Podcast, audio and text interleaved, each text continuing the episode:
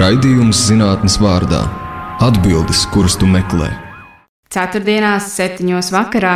Raidījums zinātnīs vārdā ir Sīvars Austers, un šovakar mums ciemos ir Solvits Strāja, vadošā pētniece no Latvijas Hidroekoloģijas institūta. Es gribu sākt ar tādu ļoti vispārīgu jautājumu, lai, lai gan, gan klausītājiem, un arī man kaut kādā pakāpē, lai kļūtu skaidrs, kas tā hidrobioloģija tāda ir. Vai tā ir vienkārši bioloģija, kas norit ūdenī, vai, vai kur pētnieki dzīvojas pa ūdeni tā vai citādi, vai tur ir vēl kāda atšķirība? Kopumā tas ir eh, tiešām hidrobioloģija, tā ir zinātne, kas eh, nu, pēta un skatās organismus un tajā notiekošos procesus ūdenī. Eh, varbūt vēl papildus varētu minēt, ka tas ir gan tekošos, gan stāvošos saldūdeņos, gan sāļūdens hidroekosistēmās, gan jūrās un okeānos. Mhm. Tātad jebkura veida ūdens tilpē. Gan, gan, gan flora, gan fauna. Pilnīgi viss, jā, augi, dzīvnieki, sākot no lieliem ļoti dzīvniekiem līdz pat vismazākajiem. Cik, cik es saprotu no jūsu publikācijas saraksta, jums tuvāk ir tā salsūdens hidrobioloģija, vai ne? Tieši tā, jo es pati strādāju ar Baltijas jūras uh, ekosistēmu, un līdz ar to Baltijas jūra ir sājūdens sistēma, kā mēs to sakam. Ļoti daudz upes ieplūst, tās uh, satec basēnā. Un... Lai, lai gan sāļi Baltijas jūra droši vien šķiet tikai līdz tam, kamēr tu neesi, es nezinu, sarkanā jūrā vai, vai kaut kur kā dienvidu jūra pagaršojas vai ne. Īstenībā tieši tā arī ir. Līdz tā, tam tad vairs neliekas viņa ļoti sāļa. Jā. Īstenībā, ja mēs tā skatāmies, tas ir tāda salas koncentrācija, kurā var gurts marinēt. Baltijas jūra vai, vai, vai, vai, vai Dienvidu jūras? Nē, Baltijas jūra. Ah, man šķiet, ka vajag vairāk sal, uh, gurķu uh, marinēšanai vai salīšanai. Uh, sakiet, kā, kā tas notika? Kā jūs, kā jūs kļuvāt par hidrobioloģi? Nu, teiksim, ir tāds, es tagad gatavoties raidījumam, paskatījos, ir tāds ļoti skaists video klipiņš, kur jūs braucat motorlaivā vai ne, uh, sēžat un stāstat par savu darbu, un man ka vien brīdi arī pati vadat vai ne. ne nu, es domāju, ka tas arī varētu būt ļoti pievilcīgi, tā, ka tu esi students vai ne mācies, o, oh, šitas būtu tas ritīgais. Vai pat nevajag būt studentam jau iepriekš, vai ne, es tagad tieši uz universitāti, jo es gribu būt hidrobioloģija, jo tur var ļoti labi braukt ar motorlaivu. Kā tas notika jūsu gadījumā? Tā bija? Nu, vispār nebija tik, tik varbūt tik tā plūstoši, jo mm -hmm. tas, ka es gribētu studēt bioloģiju, to es zināju jau ļoti sen. Un man jau arī vecāki teica, un daudz, kad viņiem jau likās, ka es noteikti iešu uz bioloģiju, jo daba interesēja. Bet uh, pašos uh, sākumā skolas laikā man drīzāk interesēja lielie dzīvnieki, kas drīzāk būtu bijis uh, zirgi.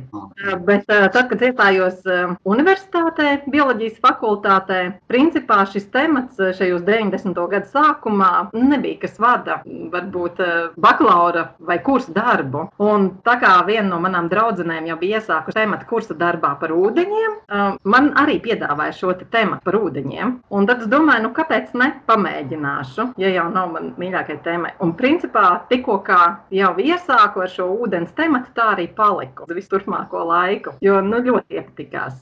Es saprotu, ka jūs tagad arī, ka es jūs tā knapi noķēru šim raidījumam, ka jūs burtiski aizvakar laikam atgriezties no ceļojuma ja, pa jūru. Es pareizi sapratu? Tā tiešām ir. Šis atkal ir viens no ļoti tādiem ilgi organizētiem pasākumiem, kas arī turpināsies visus nākamos eh, piecus gadus. Jo Latvijai, līdzīgi tāpat kā citām Baltijas jūras valstīm, ir nepieciešams identificēt aizsargājumās jūras teritorijas. Un uh, apmēram desmit eh, gadus atpakaļ, tātad es vadīju no Latvijas puses un strādāju projektā, kur identificējām aizsargājumās jūras teritorijas teritoriālajos ūdeņos. Un šajā gadā ir pirmā reize un tāda iespēja vispār vēsturē, ka mēs esam sākuši strādāt dziļajos sēkļos. Tas ir uh, Latvijas ekskluzīvā ekonomiskajā zonā, kas tātad ir aiz teritoriāliem ūdeņiem, un mēs veicam zemūdens video filmēšanu un arī paraugu ievākšanu, lai varētu saprast, kādas dabas vērtības tur ir un uh, identificēt um, potenciālās iespējamās aizsargājumās jūras teritorijas. Kādi tur būtu tie nosacījumi, tie kritēriji, lai tagad kādu teritoriju uzskatīt par aizsargājamu vai tādu, kur ir tik vērtīga, ka kaut kas būtu jāsargā? Tur ir nepieciešams atrast šo saucamo Baltijas jūras rifu. Ar ko tas atšķirās varbūt no Austrālijas korāļu rifiem? Tad Baltijas jūras rifi ir akmens vai dažādi izmēra akmeņi, kas ir apauguši ar gliemenēm un aļģēm. Un līdz ar to ir Baltijas jūrā. Ja? Jā, šāda kompozīcija, kas ir nu, veselīga, tā tad būtu identificējama kā Baltijas jūras rifa sastāv, sastāvdaļa. Bet papildus tur vēl arī ir zivis, un tad ir vēl jāskatās, vai tā ir klasificēta kā zivju nārsa vieta, vai tā varbūt tās ir barošanās vieta kādiem putniem vai kādām, kas nīrst dziļumā. Un līdz ar to, jā, skatoties šo kompozīciju, mēs identificējam tādas veselīgākās audzes. Sakiet, sakiet, kas to apdraud? Jo, jo nu, ja mēs sakām, ka kaut kas ir jāaizsargā, nu, tad kaut kas īsti nav vai varētu nebūt kārtībā. Nu, viena no lielākajām Baltijas jūras problēmām ir pārbarošana ar slāpekli un fosforu, tā saucamā eitrifikācija. Nu, tas tiešām lielā mērā regulē visu procesu. Uh, nu, diemžēl, kā jau mēs arī sakām, kad uh, viss problēmas jārisina uz sauszemes. Mēs jūrā nevarēsim atrisināt to, uh, kas jau ir izdarīts uz sauszemi. Ja šī slāpekļa fosfora ieplūda jūrā nebūtu tik lielos apjomos, kā tas uh, ir bijis līdz šim, uh, tad, uh, tad mūsu audzes būtu vēl veselīgākas. Jo pateicoties šīm pieejamiem vielām, notiek ļoti strauja mazo aļģu, fitoplanktonu savairošanās. Un tad ir tā zilāļu ziedēšana, saucamā, ko mēs arī varam novērot krastā. Un tas ir, kad, kad vasarā brīdina, vai ne? Šobrīd ir tās zilāļas. Un... Jā, jā. Pat par sevi jau varbūt tas nebūtu nemaz tik traki problēma, jo šī zilāļu ziedēšana jau ir novērota jau arī 1000 un 2000 gadu atpakaļ. Bet, nu, diemžēl tas šobrīd notiek biežāk, kā mums būtu gribējies. Un atmirstot, grimstot uz sedimenta, veidojās tāda bieza kārta, kas patērē ļoti daudz kābekļu. Līdz ar to tiem zemūdens organismiem tas, diemžēl, nav neko labi. Viņiem pietrūkst šīs kābekļa un tas darīt daļā. Bet kas ir tas iemesls lauksaimniecība, kas pirmais nāk prātā? Jūs sakat, fosfors pārāk daudz un slāpeklis arī. Jā, jā tā ir lauksaimniecība. Bet nu, tā lieta jau ir tāda, ka gadu desmitu laikā mums jau ir izmainījusies gan tā zemes struktūra, gan arī redz, daudz lauksaimnieku vēlas šīs aram zemes apart līdz pašai upei. Mm -hmm. Neatstājot šo te noteikto buferu joslu, kas varētu būt apaugusi ar kokiem krūmiem, kas varētu. Cik ir jāatstāj vienkārši, lai man arī nav skaidrs, teiksim, es tagad iešu ja, kaut kur ar kādu upi un skatīšos un teikšu, o, šitas ir labs un šitas atkal ir uh, kaut kāds ļoti alkatīgs vai nekuram nerūp uh, apkārtējā pasaule zemnieks. Jā, nu, manuprāt, labi jāpaskatās noteikumus, bet manuprāt, vismaz 20 metri šķiet, 20. tā ir šī te buferjosla, jā, lai būtu. Sakiet, uh, jūs tagad arī minējāt, ka jūs skatāties, kā tur viss zem ūdens virsmas izskatās. Jūs pat arī nirstat skatīties, vai jūs vienkārši ielaižat kādu video kameru, kas, kas pavēro, kā, kā kāds ir? Es pati nenirstu, bet mums institūtā ir apmēram pieci kolēģi, kas nirst. Vairāk strādāja ar video kameru. Mums ir tagad jau tāds saucamais robotiņš. Protams, kad ir arī dažādas uzlabotas versijas, un mēs jau papildinām savu institūta aparatūru ar uzlabotām versijām. Mhm. Un aizbraucot uz kaut kādu konkrētu punktu, vispirms mēs izpētām pieejamās ģeoloģiskās kartes un arī dziļumu kārtu, lai varētu aprast, jo pēc zināšanām mēs jau apmēram varam saprast, kurā vietā varētu būt šīs gliemenes un aļģes. Viņiem vajag noteiktu gan substrātu struktūru, gan arī gaismas daudzumu. Tad izveidojam tīkla karti un tad braucam uz konkrētām koordinātēm. Tad ielaižam zemūdens robotiņu, mm. nofilmējam apmēram kādas trīs minūtes. Un tad pēc tam analizējot laboratorijā tās nofilmētās video filmas, identificējam varbūt vietas, kur būtu vērts ievākt paraugu ar nirējiem. Jo tas ir gana grūti un sarežģīts darbs, niršana šajos 30 metros, lai ievāktu paraugu. Tie ļoti vērtīgi. Un ko nozīmē paraugs? Tas, tas, tas arī man šķiet interesants jautājums. Vienkārši paņem kādu gabaliņu no tā rīfa, vai jūs paņemat, nezinu, vienu kubikmetru ar ūdeni un visu, kas tur ir. Es vienkārši cenšos iztēloties, kāds notiek.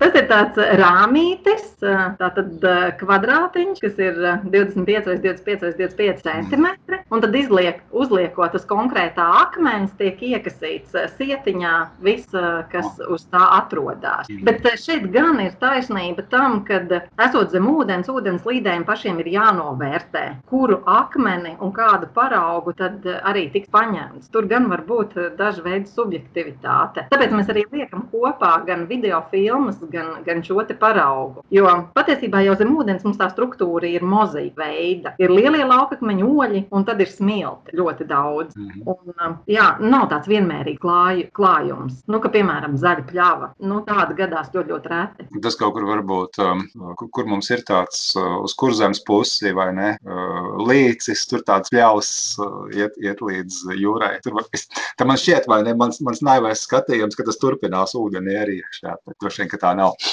Nu, tā, jā, tur jau būs savādāk mazliet. Jā.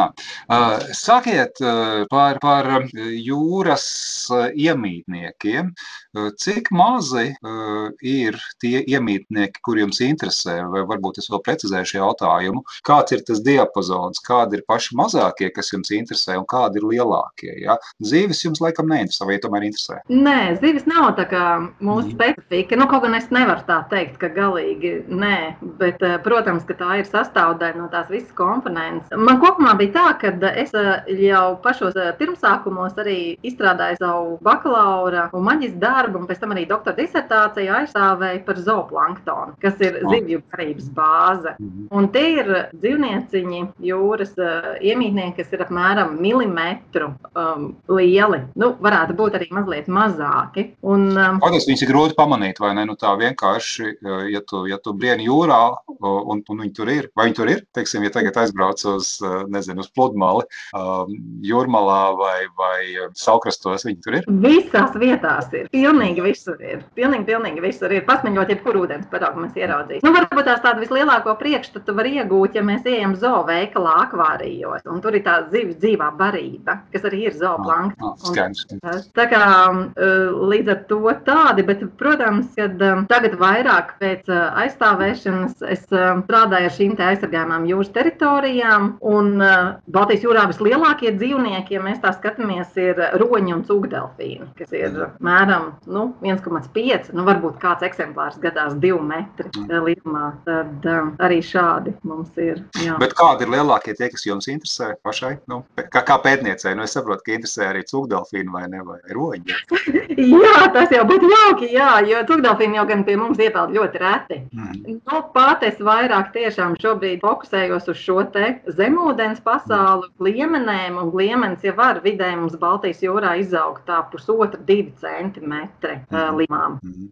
Tad faktiski jums ir viss tāds, ko var ērt, es gribēju teikt, ērti paņemt uh, plaukstā, bet dažas lietas ir tik maziņas, ka nemaz nav tik ērti, ja, ka tur vajag kaut kā domāt, kādā veidā to var izdarīt, vai ne? Uh, labi, es, es, es domāju, tagad mums visiem, gan, gan, gan, gan klausītājiem, gan man ir drusku palicis skaidrāks tas, ko jūs darāt tādos nu, lielos vilcienos. Labvakar vēlreiz. Šis ir rādījums zinātnes vārdā. Es esmu Ivars Austers un mums ciemos ir Solvita Strāķe, vadošā pētniece no Latvijas hidroekoloģijas institūta. Un mēs ar Solvitu pirms pauzes runājām par to, kas ir hidrobioloģija, kādus dzīvus organismus Solvita pēta, kā viņi ir kļuvusi par hidrobioloģi un um, kā norit tāds tipisks lauka darbs hidrobioloģijas jomā. Nu, vismaz ieskicējām, ja, jo, jo pilnīgi visu mēs noteikti neizrunājām. Un tad es gribu prasīt jau konkrētākus jautājumus par to, par ko mēs sākām runāt. Es atgādināšu, ka mm, Solvita teica, ka sākotnējā interese bija par zooplanktonu, un tad mēs runājām cik liels ir tas zooplanktons, kā apmēram 1 mm. 1 mm ir tas atskaites punkts, vai ne? Cik, cik, cik tas ir liels. Un eh, tad man, gribot, negribot, rodas vēlēšanās paprasīt, vai šiem mazajiem dzīv, dzīvajiem organismiem, nu pat dzīvnieciņiem, laikam pareizi ir teikt, jā, tas ir, tas ir dzīvnieciņš, vai ne? Viņiem ir kaut kāda sociālā dzīve arī, vai nav? Noteikti, kad ir. Bet, nu, kā mēs skatāmies, dzīvām būtnēm, visām dabām, es teiktu, ir tādas, nu, dažas varbūt lieli uzdevumi. Daži. Mhm. Tie ir, nu, tā kā izvairīties no plēsējiem, pašiem tikt neapēsiem, tātad sameklēt pašiem pārtiku un, nu, turpināt savu populāciju. Nu, tas tieši tāpat kā cilvēkiem, vai ne? Tas ļoti līdzīgi. Jā, un nu, man jau liekas, ka šī te varbūt tās dzīvnieciņu struktūra arī ir ārkārtīgi interesants tāds temats mazliet, jo ir dzīvnieki, kas varbūt ir gan dzimumos sadalīti, tātad ir gan mammas, gan, gan tēti, gan daudz mazuļu, gan ir arī tādi dzīvnieciņi, kuri, nu, veido tā saucamo patrinoģenēzi, tātad var mainīt savu dzimumu. Bet arī šis te struktūra, cik... Šis to lūdzu tagad tā uzmanīgāk stāstiet, kāds konservatīvāks cilvēks saklausīsies un teiks, kas te notiek tajā radio nabu. es jau varu iedomāties. Nu, um, man arī patiesībā ļoti tā arī interesēja tajā laikā, kad es rakstīju savu doktora disertāciju, ka zooplanktoni, tātad tie mazuļi ķiļas no olām. Mm. Tātad arī tā pati kādā veidā. Zooplanktonam ir skaidrs dzimums sadalījums, ja nu tādā nozīmē, ka vai, vai nav? Dažām sugām ir un dažām sugām nav. Tas arī ir atkarīgs no sugām. Un tā kā mēs varētu iedomāties, principā jūrā, kas man liekas tāds ļoti varbūt maz zināms un uh, varbūt neiedomājas daudz cilvēku tā kā uz sauszemes, uh, kad visi šie dzīvnieciņi, un tas zooplanktons ir ārkārtīgi daudz jūrā, uh, ražo. Tātad ir mammas, kuras, uh, kurām ir olmais, kuras nesā līdzi un tātad uzpasē savus mazuļus, bet ir tādas, kuras brīvi nērš ūdenī un tās olas grimst uz grunts. Un arī šī te aprite, kas tālāk notiek, cik ātri viņi izšķiļās, kādā veidā izšķiļās, kādot populāciju, tas viss ir viens aspekts no man pētījuma loka toreiz. Un, un, manuprāt, vēl interesantāka lieta bija tāda vielu aprite, jo, ja mēs iedomājamies, arī visi tie organismi dzīvo un pēc tam mirst, un tā tad sadalās, un atkal šīs vielas tiek ieslēgtas nākamajā ciklā, vai nu izšķīst, un, un kāds cits atkal patērē. Un viens mans tāds temats bija, par ko mēs arī nopublicējām darbu, bija, ka zooplanktonam tad atkarībā no barības, kāds fitoplanktons pieejams ir, veidojas dažādi izmēri kakas, kuras arī grimst ar dažādu ātrumu. Un tad lūk, un šis, kas um, izšķīst dažādos ūdens lāņos, līdz ar to veido šo vielu apriti jūrā. Mm. Nu, Bet tas jau tas nenozīmē, ka tur nāk kaut kāds slāpeklis klāt. Un, tad, nu, teiksim, man asociācijas reiz, kad uh, vai var runāt par kaut kādu optimālu uh, zooplanktona uh, daudzumu ūdenī. Nu, droši vien pa maz nav labi, tad citiem nav ko baroties, vai ne? Nu, tajā barības ķēdē, uh, ja pa daudz, tad atkal varbūt, nu, piemēram, slāpeklis par daudz vai, ne, vai kaut kā tā. Jā, jā, es piekrītu. Tas īstenībā atkal ir šis temats, kas šobrīd sasaucās ar mūsu, varbūt tās direktīvām un mērķiem par labu jūras vides stāvokli. Un tieši tas ir viens no uzdevumiem, ka jādefinē, kāds tad ir labs jūras vides stāvoklis. Nu, tā patiesībā jau tā ir diezgan liela problēma ar, ar šādu definīciju, jo mums tā zinātne un ļoti daudz detalizētāk pētījumi ir šajos beidzamajos 50 gados, kad principā cilvēks ir ļoti ietekmējis šo jūru. Ja mums būtu tik detalizēti pētījumi, teiksim, pagājušā gadsimta sākumā, nu pirms simts gadiem, mēs varētu varbūt tās identificēt bez šīs cilvēku un, un intensīvās uh, lauksaimniecības ietekmes, kāda tad bija šī te uh, vielu sugu gan kompozīcija, gan vielu aprite. Jūs, jūs nevarat paņemt viņa lāču romānus un palasīt, kā, kā jā, kādai jūrai jābūt. Būs sarežģīti, būs sarežģīti, jā. jā. Mm -hmm. Un tad faktiski atliek tikai tagad, nu, vienu brīdi sākt, vai ne, un, un tad skatīties uz priekšu tādā laika, laika nogriežņa ziņā. Jā, tā, tā arī, bet, nu, protams, ka šeit arī daudz palīdz varbūt modelēšana, mm. jo, protams, kaut kāda atskaites punkti ir. Ir jau tāda retāk mērījuma, kas arī ir bijuši simts gadus atpakaļ. Un, ja mēs zinām šī brīža situāciju, un mēs zināsim, kas būs pēc desmit gadiem, nu, protams, ka mēs zinām, kas bija pirms desmit gadiem, un arī pirms divdesmit gadiem, un arī diezgan intensīvi varbūt mērījumi bija arī 80. gados, tad nu, ir iespējams drusku pamodelēt, kā tad varbūt bija uz atpakaļ. Bet nu, tas, ir, tas ir tiešām ļoti sarežģīti. Un tad virzīties uz to, kāds varētu būt labs jūras vidas stāvoklis, teiksim, nākotnē. Nu, vienalga, bet tur ir ļoti daudz neskaidrību un tādu nezināmu, jo iespējams, ka var būt kaut kādas citas ietekmes, kuras mēs pat nevaram prognozēt. Nu, kā piemēram, viena no tādām varbūt aktualitātēm ir tad, kad, ja Baltijas jūrā ierodas ierodas kaut kāda jauna sveša zemju suga, kur, diemžēl, varbūt apēda daļu gliemeņu vai iznīcina kaut kādus zivju ikrus, arī tos apēdot. Nu, tas šāds varbūt aspekts netika ņemts vērā, un, protams, tie modeļi visu laiku ir jāpielāgo nākamajai situācijai. Mhm. Te, te patiesībā ir tā nākamā tēma, ko es jums gribēju prasīt. Jums, cik es saprotu, interešu lokā ir šo te, nu, svešo, es nezinu, ar vai bez pēdiņām tas vārds būtu jālieto, um, sugu ienākšana uh, Baltijas, Baltijas jūrā. Nu, droši vien jau plašākā nozīmē, ka, ka vispār notiek šī te, uh, dzīvnieku nu, kā, uh, rotācija vai rotēšana tādos neparastākos veidos, ja, kas uh, normāli īsti labi nevarēja notikt. Ne? Varbūt tur bija vajadzīgi tur, uh, simtiem tūkstošu gadu, lai nokļūtu ne no vienas pasaules daļas citā, vai ne dabiskā, dabiskā veidā. Un tagad, ja es pareizi saprotu, atbrauc viens, viens kuģis, kuram ir balast ūdens, kurš ir vienkārši iepumpēts kaut kādā pasaules daļā, kaut kādā jūrā, vai ne? Un, un, un tie dzīvnieki tur turpina tajā kuģī dzīvot un atbrauc tagad šeit kaut kur, piemēram, Daugaus deltā un izlaiž to ūdeni ārā un parādās jauni dzīvnieki. Vispār tā ir tāda, no vienas puses, man šķiet ļoti, ļoti interesanta, fascinējoša, no otras puses arī biedējoša tēma. Vai, vai, jā, ka, kas šeit būtu tas svarīgais, nu, lai mēs sāktu šo tēmu aplūkot? Es piekrītu. Es pilnībā piekrītu, ka no vienas puses tā ir tiešām diezgan biedējoša, jo arī saistībā ar tām svežzemju jūras sugām, es principā arī uzskatītu, ka pareizāk tās būtu teikt par svežzemju jūras sugām. Arī sāku interesēties tā paša 90. gadu sākumā, kad es zooplanktonā ieraudzīju vienu jaunu, līdz šim neparastu sugu. Un, protams, sazinoties ar citiem Baltijas jūras kolēģiem, mēs sapratām, ka šī suga ir ienākusi no Melnās jūras, Kaspijas jūras reģiona. Un, protams, ka visticamākais ienākšanas ceļš ir balast ūdeņi, kad to šeit nopludina. Līdz šim ir bijis ļoti, ļoti daudz diskusiju par to, vai mēs vispār varam prognozēt, kādas šādas jaunas sugas varētu ienākt. Nu, diemžēl tas vēl joprojām nav iespējams. Nu, principā nav tāda varbūt īsti pa īstam izskaidrojumu, kurā mirklī tā viena vai cita suga iedzīvosies.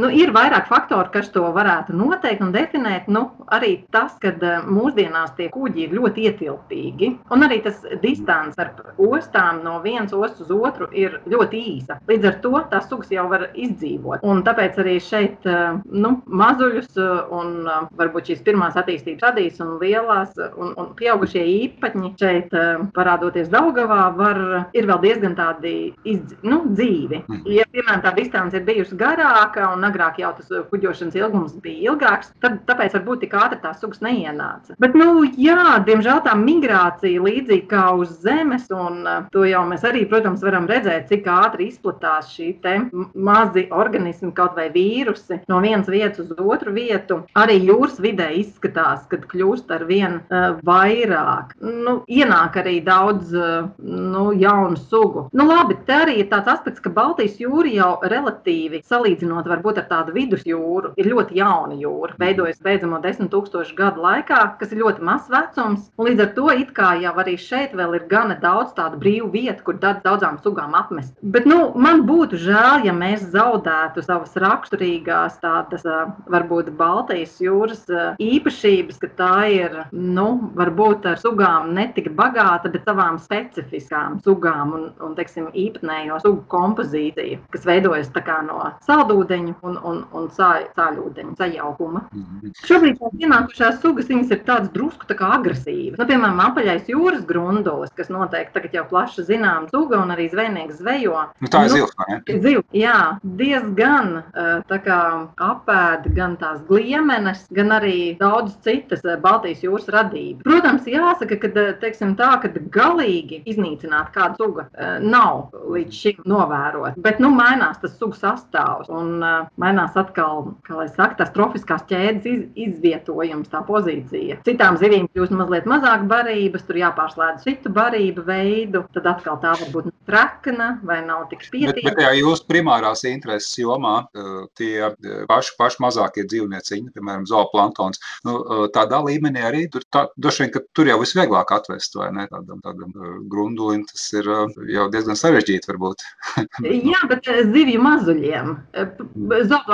Eh, zooplanktonu pamatā ēda pašas mazākās zivis, kas tik tikko izšķīlušies tādā teiktā posmā. Tikko kā viņi tādi lielāki, tad jau pāriet uz citiem lielākiem organismiem. Kā ir, kā ir, kā ir ar, ar slimībām? Nu, teiksim, jūs pat minējāt uh, vīrusu infekcijas, kas noteikti arī ir sastopams vai ne jūrā. Būtu jābūt. Tās ir, ir pilnīgi noteikti. Nu, jāatzīst gan, ka mēs varbūt līdz šim neesam varbūt pievērsušies, jo tā ir drusku jau prasa nu, tādas um, detalizētas, specifiskas mm -hmm. vīrusu pētījumus. Um, es pat esmu redzējis tieši jau šo zooplanktonu, kad ik pa laikam viņi ir apauguši ar kaut kādiem mm -hmm. nu, tādiem tā kā veidojumiem, kas varētu būt, varbūt kāda vīrusu infekcija vai kaut kas tamlīdzīgs. Arī zivīņi to, protams, var novērot. Un, un, un tas netiek transportēts no citām zemēm, kaut kas jauns, nu tāds, es pieņemu, ka Esmu...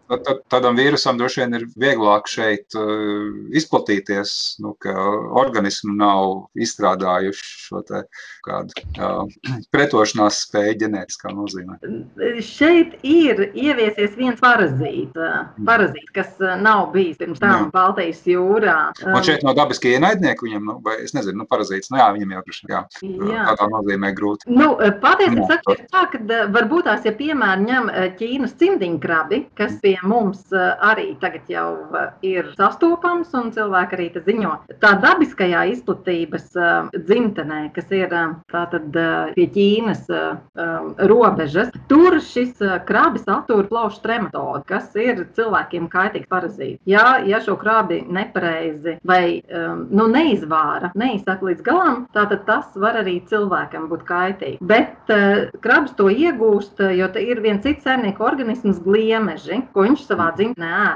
Interesanti, ka pie Baltijas jūras šim ķīncimdiņkarbim nekad nav novērota šī lauša trematode. Tas nozīmē to, ka Eiropā nav šis starpnieku organisms, tas liemes, kas satur. Mhm. Un, jā, neesam arī dzirdējuši no kaimiņu valstīm, ka kāds būtu par to nu, ziņojis. Mhm. Līdz ar to pielāgojoties šeit, Baltijas jūras apstākļiem un ēdot Baltijas jūras varību, viņš arī tā nepārnēsā. Un, un, un kā tur bija to plēsēju garnēlu, tā arī bija kaut kur ieceļojusi? Kā, kādreiz bija tās runas vai ne, ka ir parādījusies jauna suga? Tā ir atceļojusi arī no arī e, Kaspijas jūras reģiona. Mums pamatā, nu, būtībā ir tā, ka 30% visas ieceļotājas sugas ir no Kaspijas jūras reģiona, 30% ir no Ziemeļamerikas uh, reģiona, un tad pārējās uh, procenti no dažādām, varbūt citām vietām. Uh, tā arī, bet nu, katrai sugai ir tāds savs stāsts. Tā mm, garnele, tā dzīvo tādos apaugumos, nu, drīzāk jūras zālēs. Viņi tur mhm.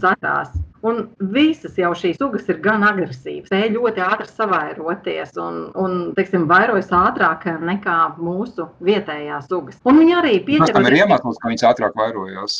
It kā jau vajadzētu būt savādāk. Tas uh, vietējās sugas ir uh, gadu tūkstošiem piemēr, dzīvojot piemērojušās vai ne šai vidē situācijai. Jā, mūsu sugām nav bijis tāda apdraudējuma. Nav mm. bijis, kas, kas viņas uh, ļoti apdraud un arī nav bijusi konkurence. Mm. Tik vienam jaunam ienācējam bioloģijām, tad es, nu, jā, tas arī tā interesanti. Bioloģija viņi saprot, ka viņiem jāizkonkurē kaut kas uh, vietējās, vietējās sugas. Tas, tas, tas ir interesanti. Man tagad, uh, es pieķēros tam vārdam, ko jūs tikko teicāt, saprot. Ja?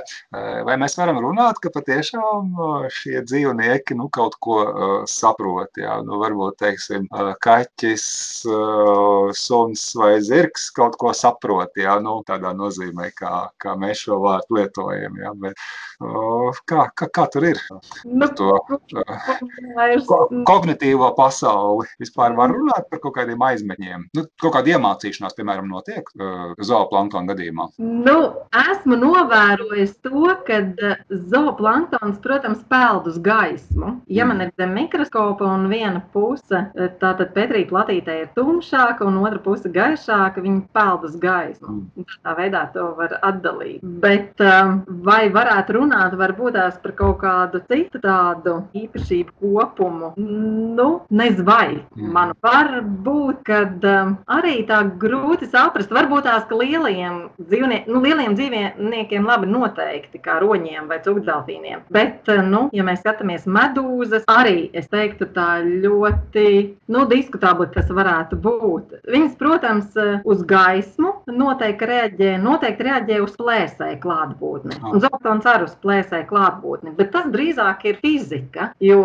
zivs peldot, tā tad izspiež šo ūdeni, un tu noteiktā kaut kādā distancē jūt to ūdeni. Līdz ar to zooplanktonam ir izstrādājusies tāda stratēģija, ka viņš pārvietojas zigzag veidā, lecot, Oh. cenšoties izbēgt no saviem plēsējiem. Mhm. Bet, protams, viņi jūt to ūdens plūsmu, kad nāk šis zivs. Tāpēc viņi lec, un tāpēc zivs jau arī ķer šos mazos organismus tādu tā lecienu. Principā nevar tā mīlīgi piepeldēt klāt un apēst. Savukārt, cits liemenis, kas filtrē, viņas, protams, filtrē visu ūdens plūsmu, kas, kas nāk garām. Un tad eh, šie te filtrētie organismi, nu, viņiem nāks apēst visu. Gan kaut kādas detrīta daļiņas, gan kaut kādas atmirušās daļiņas, nu, un arī dzīvos organismus, tad viņi reizē ie- iegūst. Es atgādināšu, ka šis ir raidījums um, zinātnes vārdā, un mums šovakar ciemos ir Solvita Strāķa. Mēs runājam par to, uh, kas uh, notiek jūrā, jo uh, Solvita ir um, hidrobioloģe, un, un ja īpaši interesē tie paši mazākie dzīvnieciņi, uh, kas uh, dzīvo jūrā un pirmām kārtām Baltijas jūrā. Labvakar vēlreiz. Šis raidījums zinātnes vārdā ir Sīvars Austers. Solvita Strāķa mums šovakar ciemos. Solvita ir Latvijas Hidroekoloģijas institūta vadošā pētniece, hidrobioloģija. Un uh, raidījuma sākumā jau mēs esam diezgan daudz runājuši par to, kas notiek nu, tādā daļai neredzamā pasaulē, vai ne? Nu, kas ir uh, Stāstīja, ka mēs varam to visu ieraudzīt un kā mēs to varam ieraudzīt. Uh, bet, bet parasti mēs uh, jūrā pievēršam uh, citām lietām uzmanību, vai ne? Tur, kur, kur ir la- labākā vieta, kur nopeldēties, vai, vai kā neuzskriet citam peldētājam virsū vai kaut kam tādam. Ja, teiksim, zooplanktonam īsti nepaliek mūsu uzmanībai vieta. Bet es, es es tagad gribu drusku savādāk to sarunu pavērst.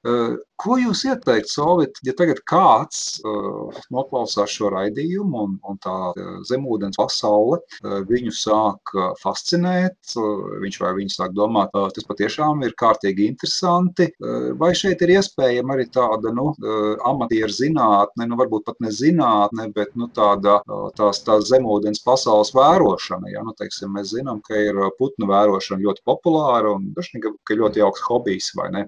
Uh, Vai kaut kas līdzīgs nevar būt arī attiecībā uz, uz šo te uh, hidrobioloģijas uh, pasauli? Droši vien, ka jā, man šķiet, nu, pēc tā, ko jūs stāstījāt, jā, un, un, un, un uh, jā. Es noteikti domāju, ka tas ir iespējams. Jo ļoti daudzi taču brauc niert sarkanajā jūrā, vai vidusjūrā, vai kaut kur citur. Kāpēc cilvēki īsti neizvēlas Baltijas jūru? Es domāju, tāpēc, ka pie mums ūdens ir daudz augstāks. Mhm. Un tur vajag mazliet tādu nu, siltāku aprīkojumu. Varbūt. Vēl viena lieta varētu būt tas, ka um, tomēr mums šī skaistie dabas uh, veidojumi, kas ir aļģes vai gliemenes, atrodas tomēr dziļākos ūdeņos. Mhm. Kaut gan arī Rīgas līcī varētu šo te visu redzēt piecos metros. Uh, Cilvēki var būt tās, ka vēlas uzreiz saskatīt daudz krāsainas zivis. Nu, Baltijas jūrā tās nebūs tik daudz un, un uh, uzreiz krāsainas. Bet um, tā, ka mums ir vairāk zemūdens nir, niršanas klubi, un esmu redzējis, un mēs arī sadarbojamies ar tiem, kad viņi gan nirst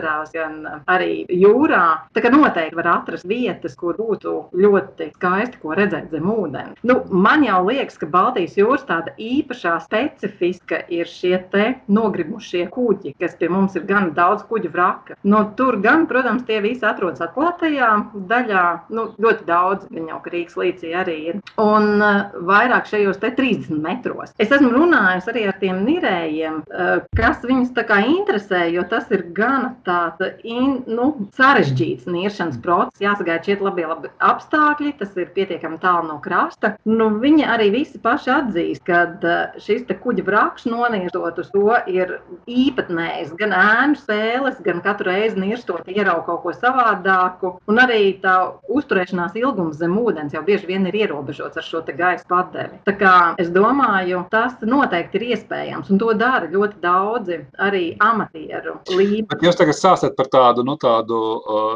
estētisko dimensiju, bet, teiksim, uh, tādā, tādā, tādā bi bioloģiskā uh, skatījumā, uh, nu, teiksim, uh, kā tagad viens varētu aiziet uh, un vispār apskatīties, kā tas zooplanktons izskatās, kas, kas, kas būtu jādara.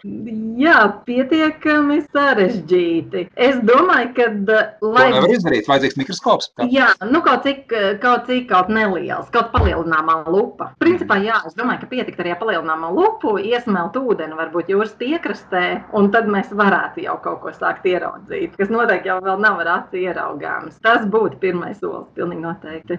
Jā. Tā vajadzētu tagad tā kā, tā kā bērni dara, un es nesaku, ka tas ir slikti, vai ne? Iesmēģi burkā un, un nezinu, pret sauli paceļ, un tad skatās ar... Var arī tā, jā, vai varbūt tās ieliet kādā baltā šķīvītī vai bļotiņā. Patiesībā jau mēs paši arī tiešām rādam bērniem. Visvairāk, pat vēl labāk to visu varētu ieraudzīt, jā, visu tādu sietiņu. Nu, teiksim, labi, mazliet eh, smalkāks tīkls gan derētu nekā tauriņa ķeramais tīkls. Um, aiz sevis novilktu, um, pastaigājoties un savākt, teiksim, kādus 20, 30 metrus, un tad mēs ielikām burciņā vai baltā šķīvītī, un tad ar palielino lupu, un pilnīgi noteikti varēsim iet. Tā, tā kā es esmu runājis ar jūsu kolēģiem, uh, sauszemes biologiem, kā, kā teiksim, mērķis vāc bioloģijā, vai ne? Nu, vienkārši uzvelk biks uh, ar platākiem galiem un staigā pa vietām, kur ērts var būt un tā savā. Līdzīgi, jā.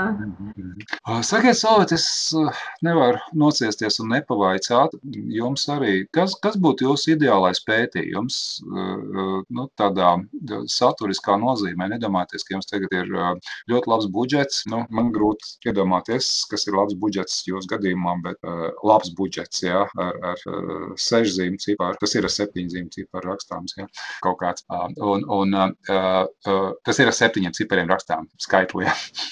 un, un, uh, kā, kā, kā jūs būvētu, ko jūs, ko jūs gribētu pētīt un varbūt arī kādā veidā, nu, tādā puslīdz realistisks fantāzijas formā? Es jau varu tā kā jau iesākt, jā, jo iepriekšējos trīs gadus jau man bija tāds uh, labs uh, projekts, uh, ko nu, sistēma, tātad mēs ieguvām tajā programmā, kas ir uh, apkārt Baltijas jūrai. Un, uh, manuprāt, tāds ļoti nu, ideāls un vispār pētījums, kas varētu būt, uh, varbūt jau kā ir dzirdēts šie vārdi un arī tiek daudz lietot, tas ir saprast, um, kādi ekosistēmas pakalpojumi no jūras un šiem te gan zemūdens biotopiem, kas, gan arī ūdeni. Un visiem dzīvniekiem mēs iegūstam, un kāda ir viņu vērtība un kas notiek ar to tālāk. Principā, tas, mm -hmm. tas būtu kā ekonomiskā nozīmē vērtība, vai kā jūs to gribat apspriest? Jā,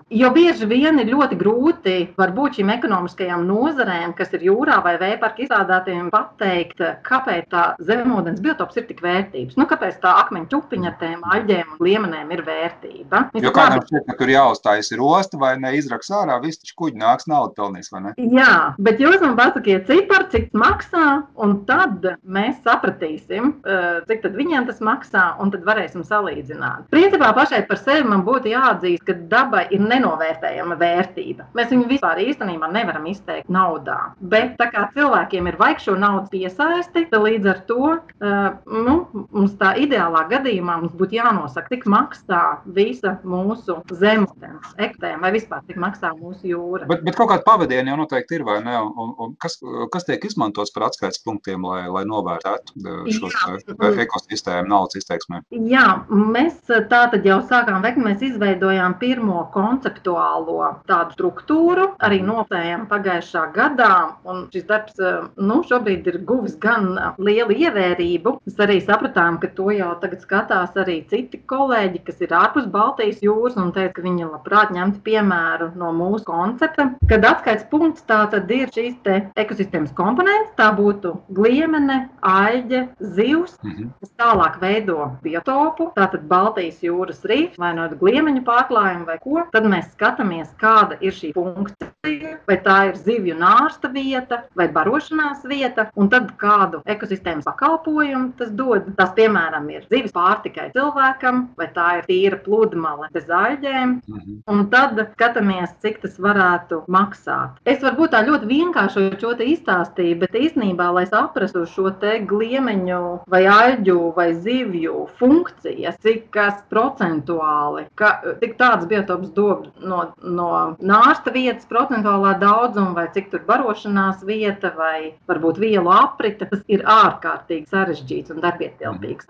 Un tāds ideālais pētījums būtu, ja mēs šo visu varētu uzbūvēt ar konkrētiem jau cipariem un uh, līdz, līdz šim pakalpojumiem un līdz naudas summām. Nu, manuprāt, tas būtu perfekti. Bet, uh, lai to iegūtu, tur ir diezgan daudz vēl gana eksperimentālie darbi vajadzīgi. Jo mums noteikti jāzina tādi zīkumi, cik litrus ūdens viena gliemene var izfiltrēt konkrētajā dziļumā vai konkrētajā vecumā. Mm -hmm. un, un, un droši vien, ka tur arī ir, ir ļoti liela daļa, kas ir modelēšanai. Nu, es domāju, statistiskajai, matemātiskajai modelēšanai. Jā, jā, jo šobrīd mēs esam izveidojuši tādu konceptuālo modeli, kas ir no procentuāliem uh, cipariem, bez reālajiem cipariem apakšā. Bet, nu, tas jau ir pirmais solis uz šāda veida papildinājumu. Un, principā, tas darbs, ko mēs šogad darām, un arī tikko pagājušajā nedēļā darījām, bija īsto datu iegūšana, lai varētu šo konceptu ieviest dzīvē. Jā, tas izklausās ļoti. Uh, es gribēju lietot to vārdu fascinējuši, bet kaut, kaut kas tur ir no tiešām no tāda, nu, ka tu vienkārši sāc ar kaut kādu mazumiņu vai ne, sāc ar, sāc ar šo te uh, zooplanktonu un uh, saproti, uh, ko tas nozīmē tādā uh, sabiedrības līmenī, šajā gadījumā ekonomiskajā dimensijā skatoties. Es teikšu paldies jums, Solvits, atgādināšu, ka mums šovakar raidījumā zinātnes vārdā ciemojās Solvits Strāķe, Latvijas hidroekoloģijas institūta vadošā pētniece, hidrobioloģe. Mēs visvairāk par jūru runājām, nu, dažreiz arī par saistītām citām tēmām. Jā, paldies, Solvit! Tad, lai veicas šo te ideju īstenošanā, kuras pēc jūsu stāstītā ir, ir ļoti labi iesāktas. Un, jā, tad šoreiz radījumu vadīja ar Sausters un tiksimies citā reizē. Tā, vislabu! Vislabu! Raidījums zinātnes vārdā - atbildes, kuras tu meklē. Ceturtdienās, septiņos vakarā